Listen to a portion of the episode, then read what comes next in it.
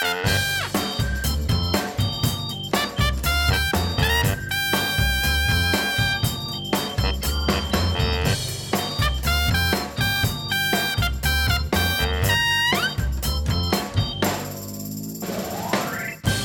een hele bijzondere week met een studiedag in Putten over de Nashville-verklaring en een generale synode van de gereformeerde gemeente, zitten we hier bij dominee Labé in Veenendaal in zijn eigen pastorie. Dominee Labé, wat is het mooi om hier namens CIP te mogen zijn. Oh, nou, de, de, de reacties op het artikel over eh, kringgebed heeft best wel geraakt. Ja, want dat is de aanleiding dat we hier zitten, hè? Precies. Ja. En ik denk dat het heel goed is om daar eh, op te kunnen reageren. Ja, ja, Ja. ja, inderdaad. Eh, voordat we daar trouwens op ingaan, mag ik even tegen de luisteraars zeggen dat het voor mij een bijzondere dag is. Want ik ben precies vandaag drie jaar getrouwd met mijn vrouw. Oh. Ja, Van harte gefeliciteerd. bedankt. Ja. En we hopen dat de Heer, zoals het klassieke formulier zegt, jullie lang en heilig samen doet optrekken. Nou, dat vind ik mooi om te horen. Ja, Ja. ja. Bent u toevallig ook al eh, getrouwd? Ja, Ja. gehuwd. Vader van eh, drie adoptiekinderen, waarvan de oudste inmiddels alweer getrouwd is. En vader van drie pleegkinderen. Kijk. Ja. Ja. waarvan de jongste drie is. Dus Mooi. ik voel me ook nog een beetje jonge vader. Ja. Ja. ja. Ik, Druk. zie, ik zie hier een trampoline staan. Ik Ja. denk, eh, die zal ook wel eens in gebruik worden genomen. Alles is in gebruik hier. Ja. ja, ja. Ja, ja, ja, ja. Het is echt een leefwereld hier. eh, ja. met een hoop drukte. Ja. ja. En we zitten hier in Veenendaal. Dat is ook wel. ehm, ja, tegenwoordig is dat, noemen ze het wel eens de hoofdstad van christelijk Nederland. Hè? Want heel veel eh, christelijke evenementen vinden hier plaats. We hebben hier. eh, eh, volgens mij Gerald Troost, die hier ook eh, woont. Een bekende christelijke zanger. Kees Krijnoord is hier komen wonen. Ja. We hebben allerlei verschillende kerken hier eh, Ja. in het dorp nog steeds. Hè? Dorp. Ja, Officieel. Dorp, dorp ja, Ja. Dus het bruist behoorlijk wat dat betreft. Dat klopt. En niet te vergeten de vele emeriti-predikanten, met name PKN-predikanten, die zich hier weer gevestigd hebben. Oh ja. Ja, Ja, ja, Die gaan terug naar. Terug naar Veenendaal, Ja. dat is echt een bolwerk. Ja, ja, ja. Mooi. En ehm, ja, we gaan het eh, hebben over eh, wat u net al zei, kringgebed. En ehm, dat wil ik graag inluiden met de vraag die een aantal ouders heeft gesteld. We zijn, het is gewoon een echtpaar, denk ik. Ja, ja. Die hebben een vraag gesteld in de Zaanbinder. Dat is eh, het blad van de Gereformeerde Gemeente. Hè? Ja. En u heeft daarop geantwoord. Ja. En die vraag die ga ik even hardop voorlezen. Onze dochter bezoekt een studentenvereniging waar regelmatig begonnen wordt met kringgebed. Zij vindt het mooi en verbindend om op die manier het goede voor elkaar te zoeken. Wij hebben er als ouders moeite mee, maar vinden het moeilijk argumenten aan te dragen. En dan vragen ze dus aan u om advies. ja. Kunt u allereerst eens uitleggen ook voor de luisteraar waar zo'n vraag nou vandaan komt? Want niet, niet iedereen begrijpt de zorg die hierachter eh ligt. Ehm, nou ja, deze ouders die ehm, zijn ongetwijfeld, dat schreven ze ook in een wat uitvoerige mail. De vraag is een samenvatting Ja, van de mail die ik binnenkreeg. Ehm, dat ze zelf eigenlijk nooit dit gewend waren. Dat hun dochter daarmee thuis kwam. En dat de vraag dan was van, ja, wat moeten we tegen de zeggen, want wij zijn er niet zo voor. Dat is eigenlijk de achtergrond. Ja. Ja. maar waarom Ehm, zouden ze er niet voor zijn dan? Om daar een beetje eh, een gevoel bij te krijgen? Nou ja, ze vermoeden dat het echt een invloed was vanuit de evangelische beweging, Ja. Die binnen de reformatorische kring binnenkwam. En, en hadden daar toch wat vrees voor. Hmm. Van, ja, ja, dominee, wat moeten we daar nou mee? Dat is eigenlijk Ja. de gedachte, ja. Ja. Dus eigenlijk is het voor hen ook een nieuw verschijnsel, zullen we maar zeggen. Ja, ja. En wat ook een van onze, we hebben een aantal artikelen geplaatst, dat een van onze auteurs ook zei van onbekend maakt onbemind. Ja, ja, ja, dat ongetwijfeld. Ja. Ja, Ja. Vervolgens heeft u natuurlijk geantwoord op die vraag in de saambinder. Ja. Eh, kunt u uw antwoord eens toelichten? Wat wilde u eh, duidelijk maken? Ehm, nou ja, het belangrijkste, dat was eigenlijk de openingszin. Ehm, de inhoud is altijd belangrijker dan de vorm, maar de vorm moet wel passen bij de inhoud. Ja. Ehm, dat was het eerste. Vervolgens heb ik iets van eh, persoonlijke ervaring omschreven en wat ik zo hoor van anderen over het kringgebed. Ehm, nou, de volgende stap is dat ik het naast de Heilige Schrift gelegd heb, de Bijbel. Wat zegt de Bijbel nou over het gebed? En mijn conclusie is dat wij het kringgebed inderdaad niet aanbevelen. Ja, Ja. ja, ja, ja. Ehm, u, u schreef letterlijk, het gebed lijkt te verworden tot een intermenselijk gebeuren. Ja. Wat, wat houdt dat intermenselijke gebeuren dan in? Ehm, nou ja, wat ik zelf meegemaakt heb en gehoord heb van, eh, van jongeren. Ehm, ik mag een grote gemeente dienen met heel veel jongeren. Ehm, ja, ruim 2000 mensen horen bij de gemeente hier. Het grootste deel daarvan heb ik ook zondags in de kerk. En heel veel jongeren ook. Een, eh, 350 jongeren zien wij elke maandagavond en dinsdagavond op de catechisaties. En uit de gesprekken, dan krijg je een indruk van hoe dat kringgebed gaat, hoe de ervaringen zijn. En dan mis ik heel sterk met name het ontzag voor de levende heilige God. Maar kunt u eens een ervaring delen? Want dan weten we ook een beetje waar u dat Ja. op baseert. Nou ja, ehm, een jongere vertelde bijvoorbeeld dat het inderdaad was van eh, je zit in de kring en om de beurt mocht je wat inbrengen in het gebed. En die zei ja, ik voelde me daar toch een beetje vreemd, want iedereen sprak alsof die sprak met, met de buurman, om iets te noemen. Ja. Heel vertrouwelijk. En aan de ene kant zei ze, ja, heeft dat wel iets? Maar aan de andere kant ehm, schrok ik ervan, want dan denk ik, ja, maar zo is de God van de Bijbel niet. En dat, dat met eerbied en ontzag tot hem naderen en spreken, dat mis ik. Maar als, eh, het een sluit het ander toch niet uit. Je kunt toch ook iemand heel erg, eh, erg vertrouwd zijn met iemand en tegelijkertijd heel veel ontzag voor die, voor die persoon hebben. Ja, maar met name dat laatste, dat kwam op geen enkele manier eh, uit, zeg maar. En dat was het schokkende. En zo heb ik het zelf ook destijds ervaren. Ehm, dat je eigenlijk die notie van de Heilige Schrift, ehm, dat diepe buigen voor God en, en dat weten van dat Hij de gans andere is, de Heilige God, dat dat toch te veel ontbreekt. En waar zou dat dan uit moeten blijken dan? Zit het hem in, in de woorden die je gebruikt? Of eh, hoe, hoe zit dat dan? Ehm, nou ja, de aanspraak van het gebed, dat is natuurlijk vaak al tekenend. Dan hoeft dat niet alles te zeggen.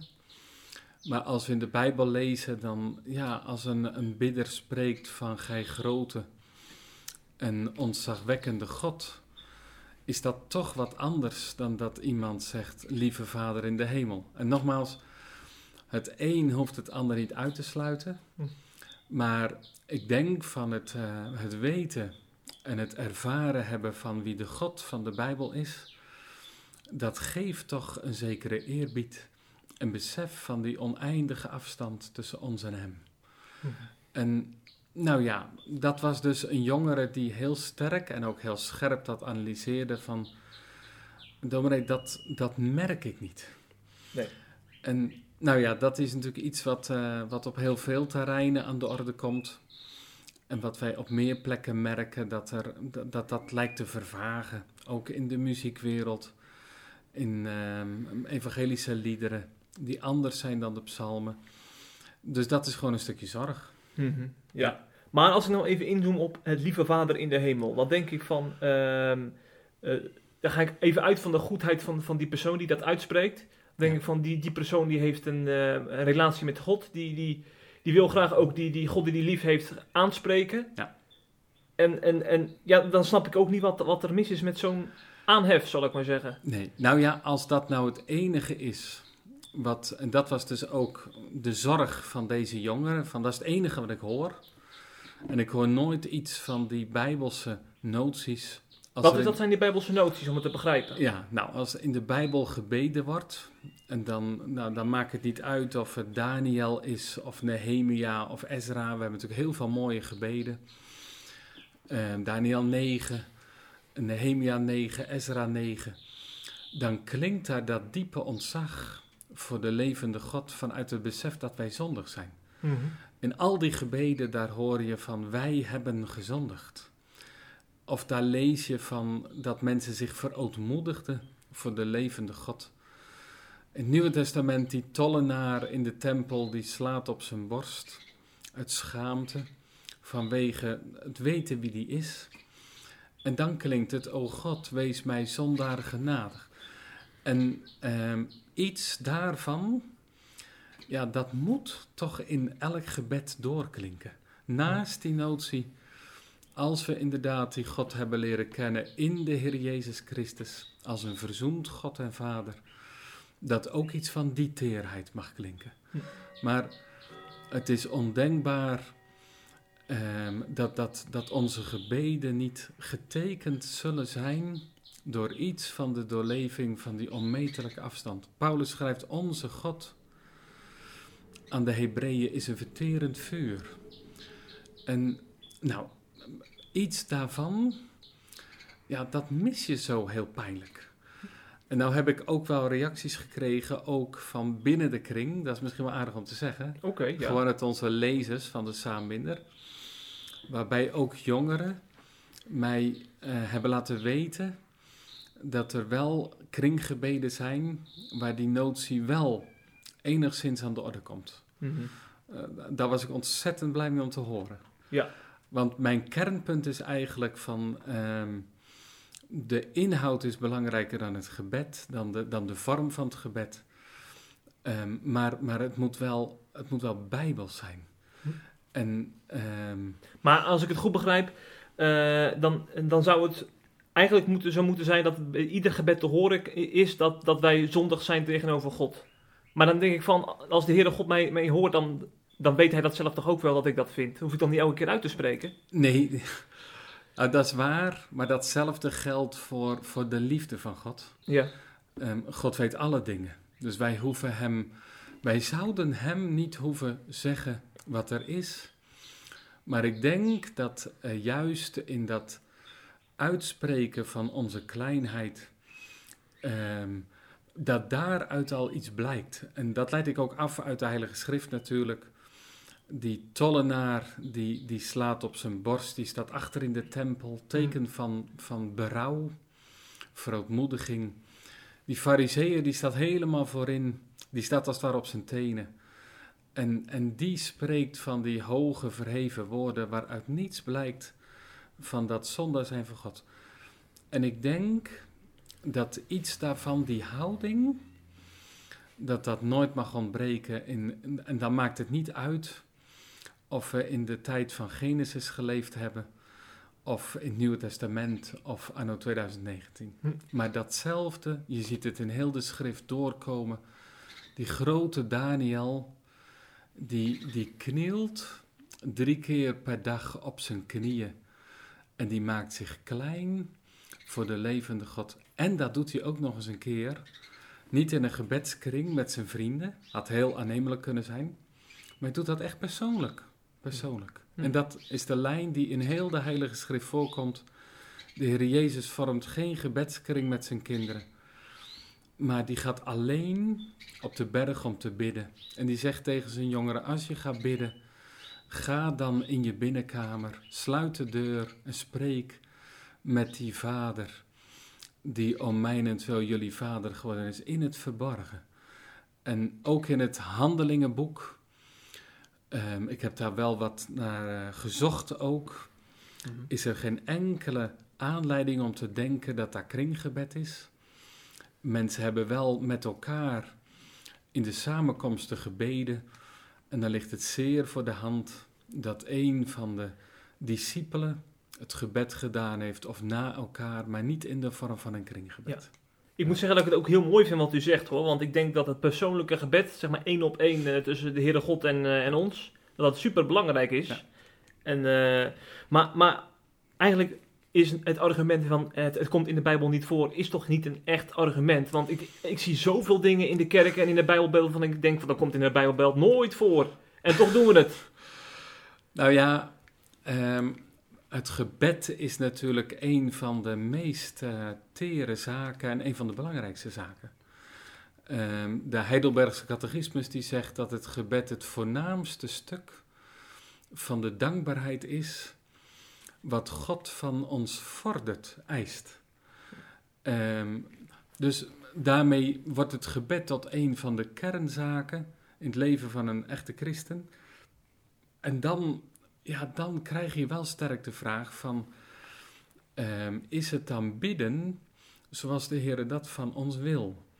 Het dienen van Hem. De Bijbel die spreekt ontzettend veel over godsdienst en mensen die bidden en bezig zijn met allerlei godsdienstige zaken.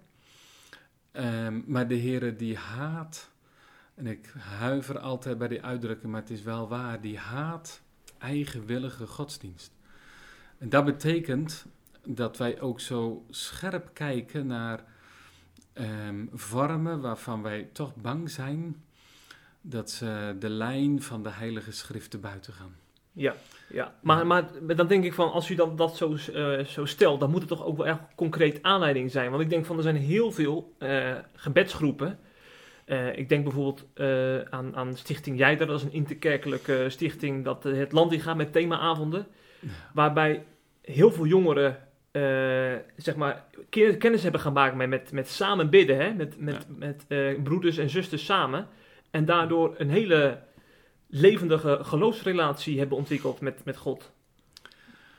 Ja, ja, ik vind dat altijd moeilijk om uh, te beoordelen, maar het is helder dat wij ook uh, enige distantie van uh, bijvoorbeeld Hartkrij ook en jij daar altijd hebben gevraagd aan onze jongeren. En wat heeft ook hiermee te maken dan? Nou ja, dat heeft hiermee te maken, maar ook inhoudelijk. Um, met heel veel andere zaken waarbij wij een lijn zien die we niet herkennen. Waarbij ik niet durf te zeggen, en dat zou ik ook nooit doen, dat we het allemaal beter weten. Want je voelt je soms ook maar een heel klein mensje. In, uh, en, en ook, ja, dat las ik ook in reacties naar de Griffmiddengemeente. Wij zijn maar een klein kerkverband van, van 110.000 mensen. Wij zullen niet kunnen beoordelen wat er allemaal wel of niet goed is. Maar het is ons diepste verlangen dat wij dicht bij de Bijbel proberen een lijn te gaan en aan te wijzen. En, maar als u nou, mag ik even tussendoor, als u nou inderdaad echt dicht bij de Bijbel wil blijven, het is, het is niet flauw bedoeld deze vraag, maar dan zou het toch ook consequent moeten zijn. Dan zouden we bijvoorbeeld ook met opgeheven handen moeten bidden. Want wij bidden met gevouwen handen, dat kom ik in de Bijbel ook niet tegen, bijvoorbeeld. Nou, dat heb ik eerlijk in het artikel ook gezegd van in de Bijbel vinden we verschillende gebedshoudingen, geknield, staand, met geopende, geheven handen naar de hemel. En gevouwen handen komt in de Bijbel niet voor. Nee, nee. en toch doen we het massaal. Ja, dus dat betekent dat dat niet het meest belangrijke is. Um, in uh, elders op de wereld hebben wij ook meegemaakt dat mensen met geopende handen baden of met de handen naar de hemel geheven. En dat is voor mij geen kernzaak. Mhm. Nee. Ehm, wel um, dat er altijd met dat gebed, of een ambtsdrager, of als mensen samen zijn, mogen ook niet-ambtsdragers bidden. Dat is natuurlijk ook geen bezwaar, maar dan na elkaar ordelijk en nou, ik heb ook aangegeven dat wij het zeer op prijs stellen dat er altijd ambtelijke leiding aanwezig is. Ja, ja voor mensen die er niet mee bekend zijn, ambtsdragers, er zijn natuurlijk dominees, ouderlingen en diakenen. Ja. Die, die uh, zijn geroepen om in de kerk een, een specifieke taak op te nemen. En daardoor ook een gezagsfunctie hebben, hè, zullen we maar zeggen. En waarom legt u daar zoveel nadruk op? Nou, in het Handelingenboek bijvoorbeeld, dan lezen we van de, de eerste discipelen die eigenlijk functioneren als zeg maar ouderling met een bijzondere opdracht, want ze prediken ook het woord, zo is het bij ons eigenlijk nog. De, de, dominees zijn ouderlingen met een, uh, een eh, bevoegdheid om het woord te spreken. En op een gegeven moment krijgen ze te druk, omdat ze ook heel veel diaconaalwerk doen. En dan worden er zeven diakenen verkozen met het argument dat de apostelen de prediking en de gebedendienst kunnen voortzetten. Dus het is ook echt bijbels om te zeggen dat is een specifieke taak van een ambtsdrager en om ook daar wat leiding aan te geven. We hadden het net over dat, um, ja, zeg maar, verschralen van het gebed. Um, op zo'n moment, als het goed is, kan een ouderling ook die verdieping aanbrengen. Dat zijn mensen die, als het goed is, geoefend zijn ook in, in de Heilige Schrift. En die kunnen wat leiding geven als die zaken misgaan. En dat naar het gereformeerd kerkrecht is een, uh, is een heel mooi principe. Wat, wat denk ik ook voor, voor gebeden geldt. Hmm. Maar als ik nou even kijk naar eh, de kerkgeschiedenis, dan zie ik ook dat dat misbruikt kan worden. Hè? Bijvoorbeeld in de Rooms-Katholieke Kerk, Ja. daar werd, werden door priesters werden heel veel dingen eigenlijk toegeëigend. En werd dat een soort van weggehouden bij zeg maar, de, de gewone kerk, het gewone kerklid. Ja. Alsof, alsof, alsof, zij twee verschillende mensen zijn. En na de reformatie, toen zeg maar de, de gereformeerde kerken ook eh, tot bloei zijn gekomen in Europa. Toen eh, hebben ook zeg maar, gewone kerkmensen hebben leren ontdekken van ik mag ook die Bijbel lezen. Het is niet alleen maar voor de priesters. Nee, nee, nee. Nee, dat is ook zo. En gewone mensen mogen ook bidden. Ik hoop dat ze het veel doen. Maar dan persoonlijk. Of dat er altijd de, de mogelijkheid is tot correctie. En, en tot enige leiding daarbij. En dat is ook wel een kernprincipe van de Reformatie. Achter het klassieke Bijbeltje, de Statenvertaling, daar zitten, nota bene, voorbeeldgebeden, zelfs voor predikanten. Eh, gebed voor de prediking, na de prediking, voor de catechismuspreek, na de catechismuspreek. De formulieren hebben gebeden voor bij, rond het huwelijk. En, en nou, daar zit natuurlijk ook weer diezelfde gedachte achter van de reformatie. Van zelfs predikanten, die kunnen eenzijdig worden en die kregen, kregen daarmee richtlijnen om met stichting tot opbouw van de gemeente eh, te bidden. En met eenzijdig worden we bedoeld dat je bijvoorbeeld te veel nadruk legt op, op bijvoorbeeld de liefde van, van God. Ja, En daardoor afwijkt van het eh, totale beeld van wie hij is. Ja, bijvoorbeeld. Dat, we, dat er één deugd in God, zijn barmhartigheid, zijn liefde, uitvergroot wordt. En dat er geen oog is voor zijn rechtvaardigheid en zijn wrekende gerechtigheid. Dat zeg maar, ja. Ja, maar wat ik hier nou een beetje aan mis eigenlijk is... Laten we ook niet vergeten natuurlijk dat ooit is de Heilige Geest uitgestort. Ja. En eh, dat we ons in onze gebeden ook door diezelfde geest willen laten leiden. Dus we Ja. willen ook natuurlijk graag bidden wat, wat de Vader wil dat wij bidden. Ja. Dat, dat mis ik eigenlijk wel een beetje in dit, in dit gesprek. Nou, het diepe verlangen is dat, dat God door die geest ook mensen leert bidden en laat bidden. Het is ook naar de Bijbel. Paulus die schrijft, die geest zelf bidt voor ons met onuitsprekelijke zuchtingen, staat de vertaling. En daar staat een hele mooie kanttekening bij, alsof die geest nou de woorden gaat voorzeggen die hij wil dat we bidden. En als nou die Heilige Geest ons eh, laat bidden, is het ook mijn diepe overtuiging dat dat altijd is met de woorden van de Heilige Schrift. Ja, Ehm, het is niet voor niks dat als, ik noem maar wat, eh, Maria, de moeder van de Heer Jezus Christus, als die de lofzang zingt, Mhm. dan is de Heilige Geest in haar hart. Het staat er, hè? Ze wordt vervuld met de Heilige Geest. En dan tot mijn verwondering, dan bidt ze woorden uit het Oude Testament, uit Ja. het gebed van Hanna. Hm. En dat zie je heel vaak, dat de gebeden naadloos, alle gebeden in de schrift, die, die, die zijn met elkaar te vergelijken. Want die geest die nou bidt, is ook de auteur de eerste schrijver van heel de Heilige Schrift. Hm. En, en dan gaan wij bidden naar het woord. Nou ja, en de vrees, want er werd op sommige reacties ook echt gesproken over angst. De angst is niet dat ambtsdragers ehm, gezag zouden verliezen. Ja, want dat, Of- eh, ja. Arjan Baan is evangelist van Ja. Stichting Hartkrij. En die was ook op Facebook, heeft hij erop gereageerd. Hè? Ja. En hij zei, men is doodsbang dat kerkmensen zelfstandig de Bijbel gaan bestuderen, kritische geluiden ventileren en in groepjes ze samen gaan, gaan bidden. Nee, nou, Jullie willen dat niet inperken uit Nee. een controledrang. Nou, het is onzin dat wij bang zijn voor ehm, dat mensen zelf de schrift lezen, of zelf heel graag natuurlijk. Ik wilde wel dat ze daar dag en nacht mee bezig waren. Alleen, de geschiedenis heeft wel geleerd dat als er geen leiding is, dat mensen regelmatig eh, andere lijnen trekken, andere sporen gaan. En dat daar vaak de dwaling uit voortgekomen zijn. Ja, En, ehm, en dat willen wij nou weer niet. Het met elkaar toetsen van de Bijbelse lijnen. En vergeet niet dat ambtsdragers, die zijn ook weer eh, verkoren, verkozen door de plaatselijke gemeente. En die zijn ook weer aftredend. Dus de gemeente zelf, die verkiest ook geestelijke leidslieden uit, Ja. uit hun eigen midden. die daar wat leiding aan geven. Ja. Nee, ik begrijp, ik begrijp dat de motivatie dat die eh integer kan zijn.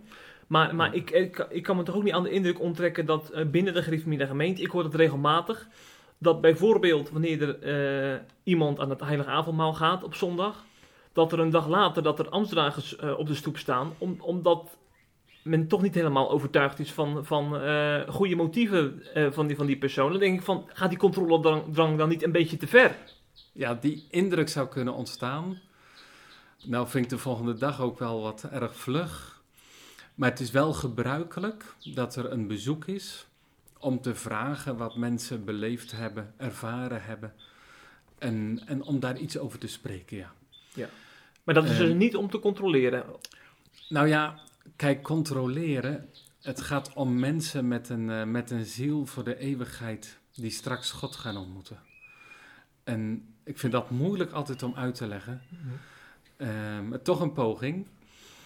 Ehm, dan wordt eigenlijk gekeken van of mensen spreken in lijn met de Heilige Schrift.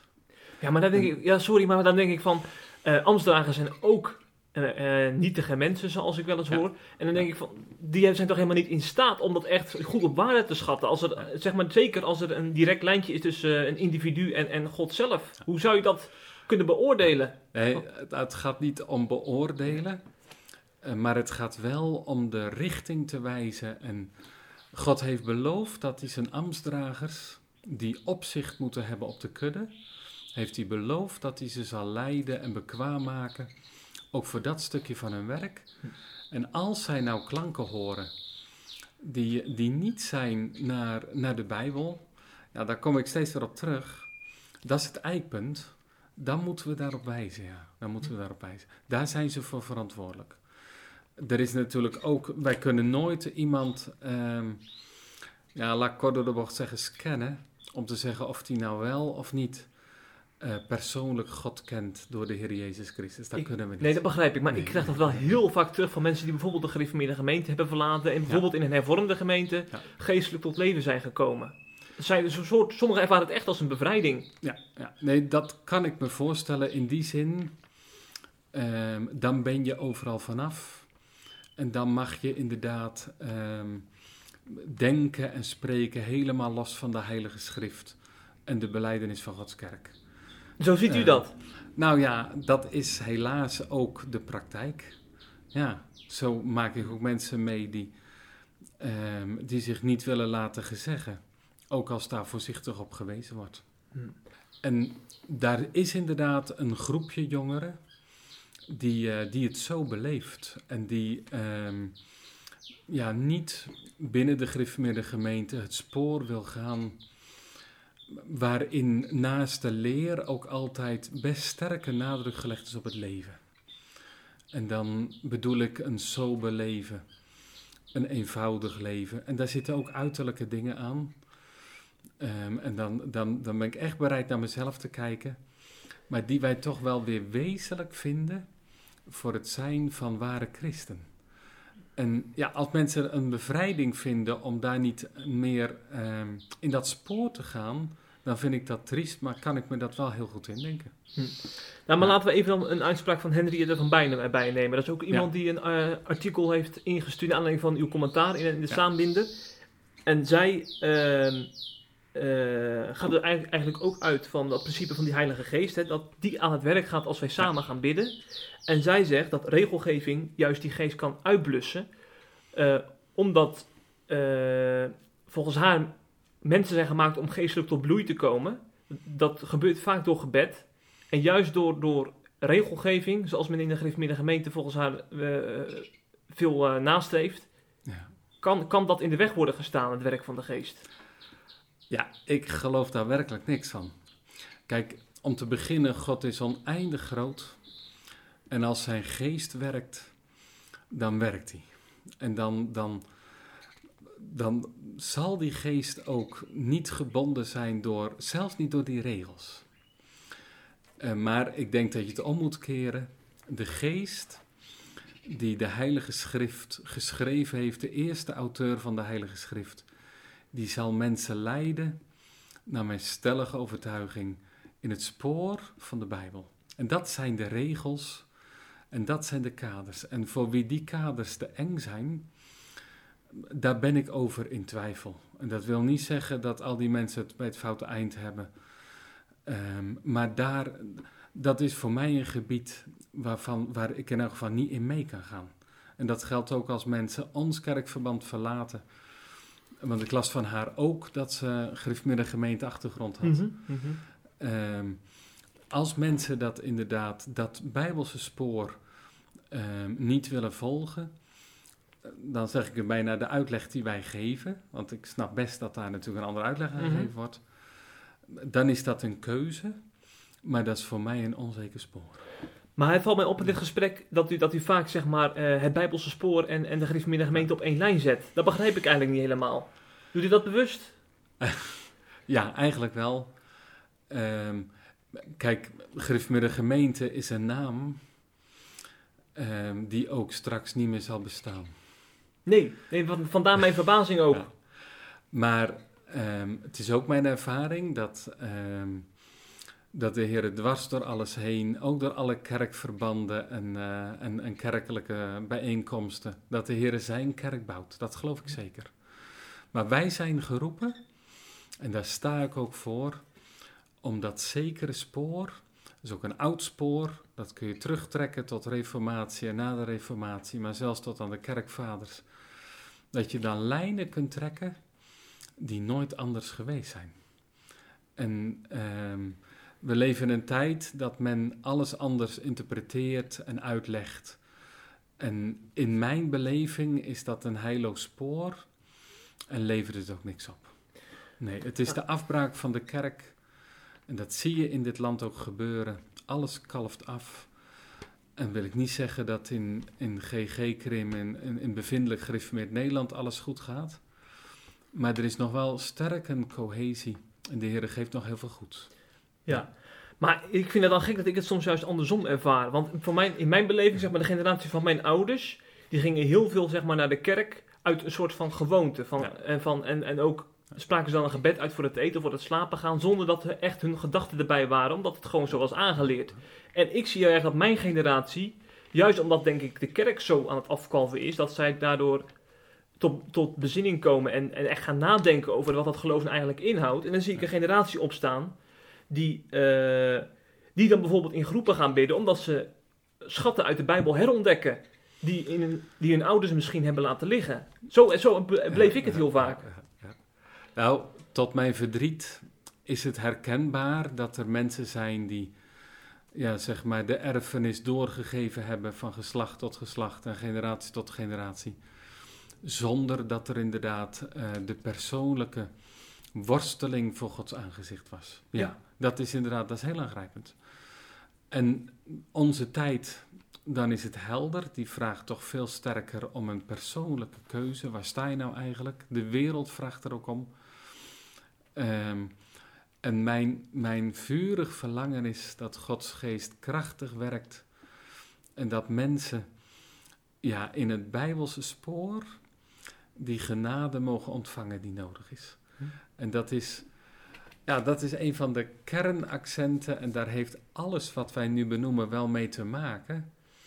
Het woord van Jezus zelf, tenzij iemand wederom geboren wordt, hij kan het koninkrijk van God niet zien. Hm. Dus de sterke nadruk op die persoonlijke bekering. En, en, en dat in, door het werk van de Heer Jezus Christus. En, en dat kan alleen maar door het werk van de Heilige Geest in het hart. En nou, ik denk dat als je al die lijnen bij elkaar brengt, dat het helder is dat als dan meer eigentijdse vormen van, van geloven en van bidden, zoals ook het kringgebed, dat dat in bevindelijk gereformeerd Nederland echt op eh, ja, bezwaren staat. Ja. Ja. Maar nog even terugkomend op wat u net beschreef. Want ik vind het heel mooi als u dat zo... Want volgens mij dat verlangen delen wij heel erg. Ja. Ik ga bijvoorbeeld naar, eh, naar een eh, week- wekelijkse bidstond bij ons in de wijk. Een interkerkelijke bidstond. Ja. En dan is er een groepje van zeven of acht mensen. Die gaan dan alles wat in de wijk speelt, zeg maar, aan noden en eh, dat soort zaken gaan wij opdragen in gebed. Omdat wij een hart voor die wijk hebben. We willen graag dat, dat de Heere God verandering brengt in die wijk. Ja. Ja. En, en, en dan denk ik van, dat, dat moet toch uiteindelijk het uitgangspunt zijn, los van, los van de, de gebedsvorm, zeg maar. Ja, nou ben ik wel heel benieuwd wat dan de grootste nood in de wijk is. Nou, dat, dat, dat de mensen in de, de islam aanhangen en niet de Heer Jezus Christus. Dat is de grootste precies, nood. precies. Ja, en dan nog een stap verder.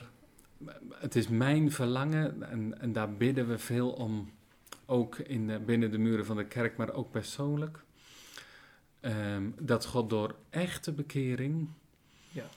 mensen de ogen opent, zodat ze zien van ik ben zondaar en ik moet gered worden. Ja, dat bidden wij ook daar, in die Ja. kring. En de reformatie had dan een kernvraag. En dat was de vraag van hoe krijg ik een genade God? Hoe Mhm. krijg ik een genade God? Ja. En dat is dan die worsteling. Ehm, waarbij ik net hoor zeggen, ja, geloofsonzekerheid, ja, dat gaat door de strijd en de twijfel heen. En, ehm, maar dat is de grootste nood, ja. Mhm. Kijk, hier in Venendaal hebben we ook pastorisch overleg. En dan is er ook veel met alle kerken van Venendaal. Ik pleeg dat ook zo trouw mogelijk te bezoeken. En dan, dan is er ook een beweging die, ehm, die weer heel horizontaal is. En, dat we Met horizontaal bedoelt u? en dan bedoel ik van dat we met elkaar de armsten helpen. Ja, daar ben ik ook mee bewogen. Mhm. Maar het gaat me niet om arm of rijk, geleerd of ongeletterd. Maar het gaat om die wezenlijke, werkelijke bekering tot God. Ja. Daar gaat het om. Ja. En dan, en dan al het andere, daar, daar helpen we ook bij. Mhm. Ja. Mhm. Maar dat Ja. op de tweede plaats. Ja, maar Ja. Als, het, als het dus daar ook om, ons om gaat in onze gebedskring, wat is er dan mis met zo'n vorm? Nou ja, dan zou ik zeggen van... ehm, bid. Je mag wel met elkaar bidden. Wij doen dat ook. Wij kennen ook onze bidstond. Voor de generale synode hadden wij een speciale bidstond.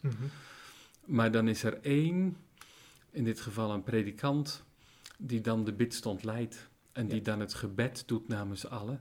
Met de oproep van broeders, ehm, vanavond, we gaan straks weer uit elkaar. Zul je het niet vergeten, straks je knieën buigen. Mhm. En ook persoonlijk weer die binnenkamer opzoeken naar het bevel van de Heer Jezus. Mhm.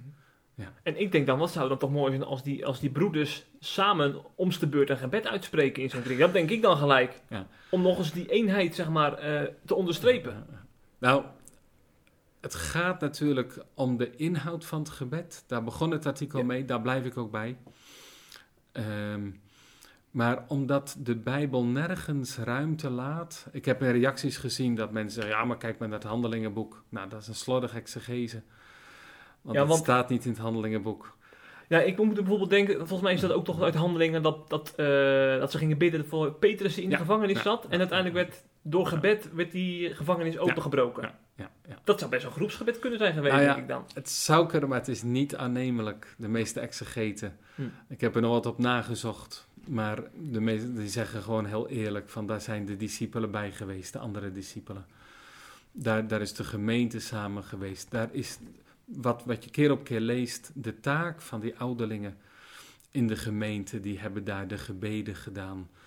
En ze hebben met elkaar, zoals we dat ook kennen, gezongen. Zingen is ook twee keer bidden, hè? Ja, nee, absoluut. in dat opzicht, ehm, dat gebeurt natuurlijk in de, in de kerk altijd, het zingen. Ja. Ehm, en daar zijn ook heel veel gebeden onder. Maar dat is weer een andere vorm dan juist die specifieke vorm van kringgebed. Hm. Ja, Hm. ja, Hm. ja. Waarbij ik nogmaals niet zeg dat, ik- dat ik denk dat alles verkeerd is. En dat zou ook heel aanmatigend zijn. Nou, u zegt ook in het artikel, ik veroordeel Ja. het kringgebed niet, zei u. Dus nee. dat, dat moeten we nog even nee. nuanceren, dat mensen niet denken dat u het Nou. allemaal niks vindt. Nou ja, alleen omdat ik geen bijbelse grond ervoor vind, Ja. kan ik het niet aanbevelen. En dan zeg ik van, hou je dan op het veilige spoor, het spoor van de Heilige Schrift. Zou God dingen niet geopenbaard hebben die wij mensjes, eh, dat is mijn gedachte hè dan, Ja. die wij mensjes door voortschrijdend inzicht dan wel zouden doen. Nee, dat kan ik niet geloven. Ja. Nee, Maar, maar ik denk dan toch weer aan bijvoorbeeld die Henriette van Bijlen, waar we het net ook even over Ja. hadden. Dat is een mevrouw, die eh, woont in Nijmegen. Die ging, jarenlang ging zij, vanuit haar wijk ging ze naar een kerk toe om die te bezoeken. En op een gegeven moment had ze een inzicht en dacht ze, in mijn eigen wijk is helemaal geen kerk. Waarom zou ik niet thuis eh, bidden dat er mensen bij mij thuis gaan komen, dat wij zo als het ware een, een nieuwe kerk gaan vormen in, in de huiskamer. Ja. Vervolgens zijn er allemaal mensen bij, bijgekomen en is er een, een soort groepsgebed is daar ontstaan. En is, zijn er voor het eerst in die wijk zijn daar christenen gekomen. Dan Ja. denk ik, dan is het toch eens, als we dat zouden weggooien, dan gooien we toch een schat van de hemel gooien we dan weg. Nou ja, als het doel van alle activiteiten die wij doen is om mensen weer bij die kerk te brengen. Ja, Ik geloof één heilige algemene christelijke kerk. Dat zijn, Dus- dat zijn Henriette en ik met u eens. Ja, ja. we- Dus God vergadert zich in kerk. Wij hebben hier ook een kringloopwinkel. En daar zijn we begonnen. En dat gaat niet om de, zeg maar de spulletjes. Maar het gaat om mensen in aanraking te brengen met het evangelie. Ja. En daar wordt uit de. Bijbel gelezen. Met het doel om mensen weer te brengen in de kerk. Ja, en daar kan ik niet laten te zeggen. Weer onder het ambtelijke opzicht, zeg maar. Dus Ehm, dat doel, dat verlangen mag er zeker zijn. Alleen het blijft mijn vraag of daarbij het kringgebed de aangewezen weg is. Maar Hm. daar zullen we wel van mening van blijven verschillen. ja, ja, en dan gelukkig mag dat ook, toch? Jawel, alleen hoop ik ook, ehm, en dat draag ik naar iedereen uit, ehm, dus dat zeg ik ook gewoon in dit interview. Ik hoop dat het tot bezinning brengt van, zoals ik me bij elke reactie, dat vind ik ook wel aardig om te zeggen, heb afgevraagd van, ehm, van hebben ze daar niet gelijk in? Ehm, want er kunnen blinde vlekken zijn, ook in het leven van een klein domineetje, zoals ik ben. Ehm, dus dat je voortdurend, jezelf voortdurend afvraagt van is het een blinde vlek van mij? Of word ik hier geleid door schrift en beleidenis, zeg maar. Nou, je, Ja. je moet nu even denken aan dominee Beens. Dat is een, eh, een dominee uit de Gereformeerde Bond, eh hervormde kerk. Ja. En die heeft ooit een lezing gehouden over zeg maar, de voor- en nadelen van de opkomst van de evangelische beweging. En bij de voordelen noemde hij voortdurend, noemde die, legde hij de nadruk op het belang van gebed. Ja. Want evangelische mensen die, eh, zeg maar, bijna, wij van spreken, voordat ze nog hun auto gaan wassen, ik noem het even gechargeerd, gaan ze nog bidden. Omdat ze dat zo belangrijk vinden om, om, om eh, alle dagelijkse bezigheden aan God op te dragen. En, en die dominee Beens zegt, in, in een traditionele kerken zijn we toch vooral geneigd om de nadruk te leggen bij al onze kerkelijke activiteiten. Terwijl we eigenlijk vergeten dat, dat, dat we afhankelijk zijn van, van boven. De evangelische houden Ja. onze spiegel voor, zegt hij. Ja, nou ja, als we bijvoorbeeld de catechismusprediking, die tekent ons datzelfde ootmoedige leven. En ik hou dat mijn, kerk, mijn, mijn gemeenteleden ook in de kerk voor. Van gemeente, je kan geen stuur in je handen houden, geen preek schrijven. Ik betrek mezelf er ook altijd bij.